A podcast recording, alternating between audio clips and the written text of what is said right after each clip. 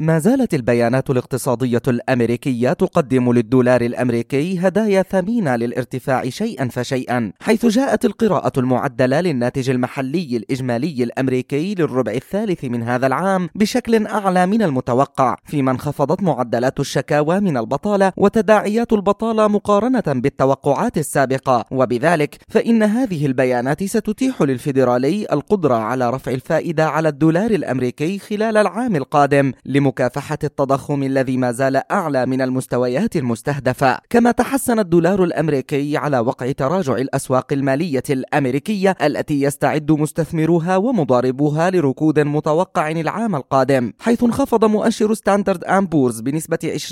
20% تقريبا منذ بداية العام الحالي ليتجه نحو أكبر انخفاض سنوي له منذ عام الأزمة المالية العالمية عام 2008 ومع انخفاض الأسواق المالية على وقع هذه المخاوف فإن الدولار الأمريكي سيتألق بصفته ملاذا آمنا يحفظ القيمة من جانب ويقدم عائدا مميزا وثابتا من جانب آخر. وقد توقعت بلاك روك أكبر شركة لإدارة الأصول في العالم وشركة باركليز وأوكسفورد إيكونومكس أن يحدث الركود الاقتصادي بشكل أو بآخر عام 2023 بينما قال مديرو الصناديق في استطلاع أجراه بنك أوف أمريكا للأبحاث العالمية إن الركود العالمي العميق والتضخم المرتفع هما الخطر الأكبر على السوق ليتوقع الاستطلاع حدوث تراجع في أداء الأسواق المالية العالمية بنسبة 68% العام المقبل وهو ما سيمثل دعما للدولار الأمريكي. أما على الصعيد الإسرائيلي فقد قدم محللو بنك ديسكونت وبنك لؤومي وشركة كوبي لإدارة المخاطر والاستثمار توقعاتهم للسنة القادمة. ليؤكد كل منهما أن الدولار الأمريكي سيواصل ارتفاعاته مقابل الشيكل حتى منتصف